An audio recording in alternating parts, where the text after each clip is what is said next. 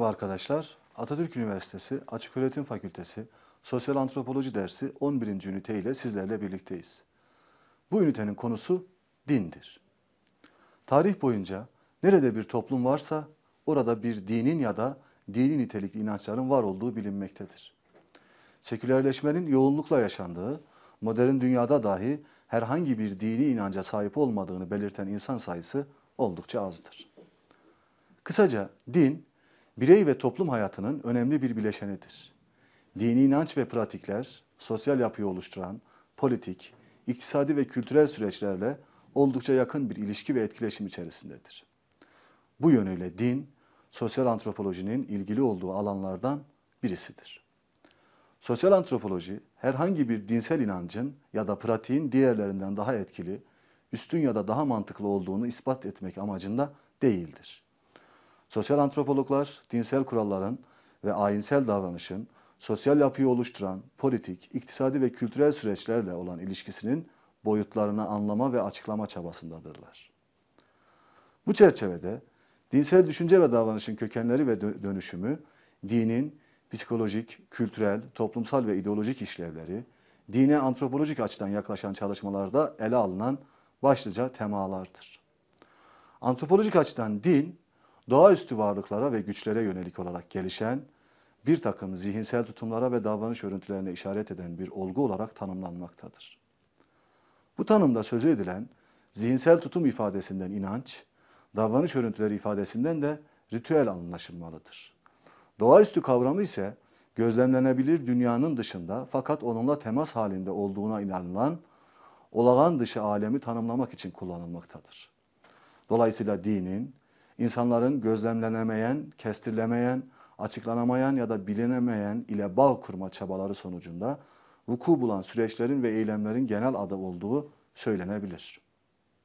Arkeolojik ve antropolojik bulgular dinin başlangıcını Orta Yontma Taş çağına dayandırmaktadır.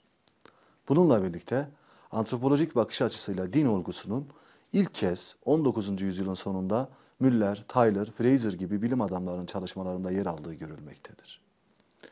19. yüzyıl antropologlarının din hakkındaki varsayımlarının kendilerinin Yahudi, Yahudi Hristiyan gelenek içerisinde şekillenen dinsel deneyimleri ve misyonerler ile Avrupalı seyyahların aktardıkları oldukça kuşkulu bilgiler temelinde geliştirmiş oldukları vurgulanmalıdır. 19. yüzyıl karşılaştırmalı din çalışmaları temel ilgi alanını dinsel formların kökeni ve evrimi üzerine yoğunlaştırmıştı. Din antropolojisinin kurucusu olarak kabul edilen Tyler, dinin insanların gündelik deneyimlerine başvurarak açıklayamadıkları koşul ve olayları kavrama çabaları sonucu ortaya çıktığı fikrini savunmaktaydı. Tyler, dinin animizmden başlamak üzere evreler halinde dönüştüğü fikrine sahipti. Dinin ilk insanların çevrelerine ve yaşamlarına ilişkin deneyimlerini açıklamak ve anlamlı kılmak gayretleri sonucu ortaya çıktığını ileri süren Fraser da Tyler'ın görüşlerine yakın bir noktada insan toplumlarının entelektüel gelişiminde büyü, din ve bilim olarak bilim olmak üzere üç aşama bulunduğu fikrini paylaşmaktaydı. Bir diğer antropolojik açıklamaya göre ise dinin kökeninde insanların doğa üstünü belli koşullar altında denetleyebildikleri kişilik dışı bir güç ya da kuvvet alanı olarak görmeleri yatmaktadır. Buna göre insanlığın ilk dini formu doğal olay ve güçlere karşı duyulan korku ve hayranlığın ürünü animatizmdir.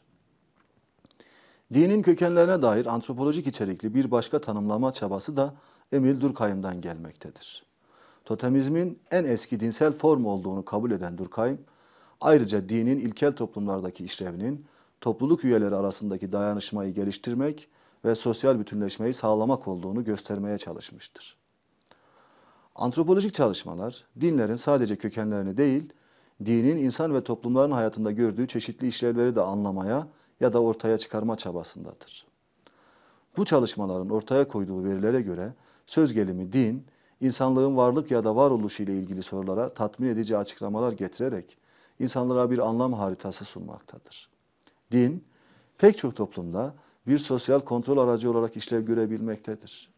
Bu bakımdan bütün dinler aynı zamanda insanlık için uygun ve doğru davranış reçeteleri sunan bir ahlaki sistem öngörmektedir.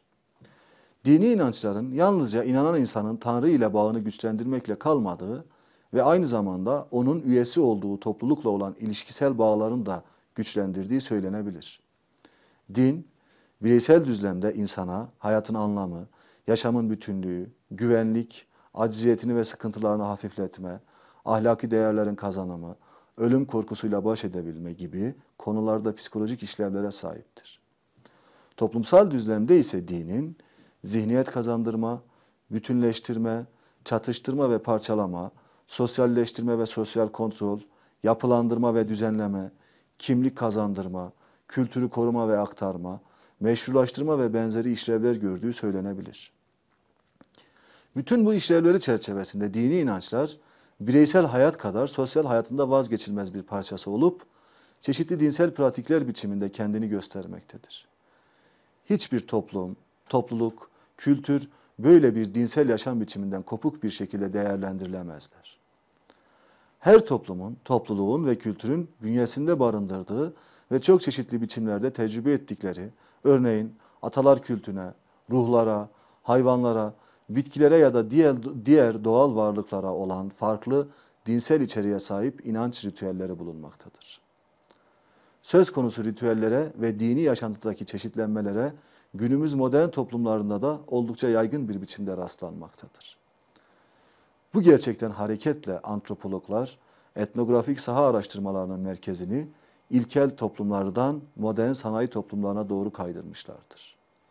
Bugün birçok sosyal antropolog bilimsel çabalarını ilkel kabile toplumlarının dinleri yerine Hinduizm, İslam, Budizm ve Hristiyanlık gibi büyük dünya dinlerinin yerel versiyonlarına ya da dünya dinlerinin görece daha gelişmiş ülkelerdeki etkisini keşfetmeye hasretmişlerdir.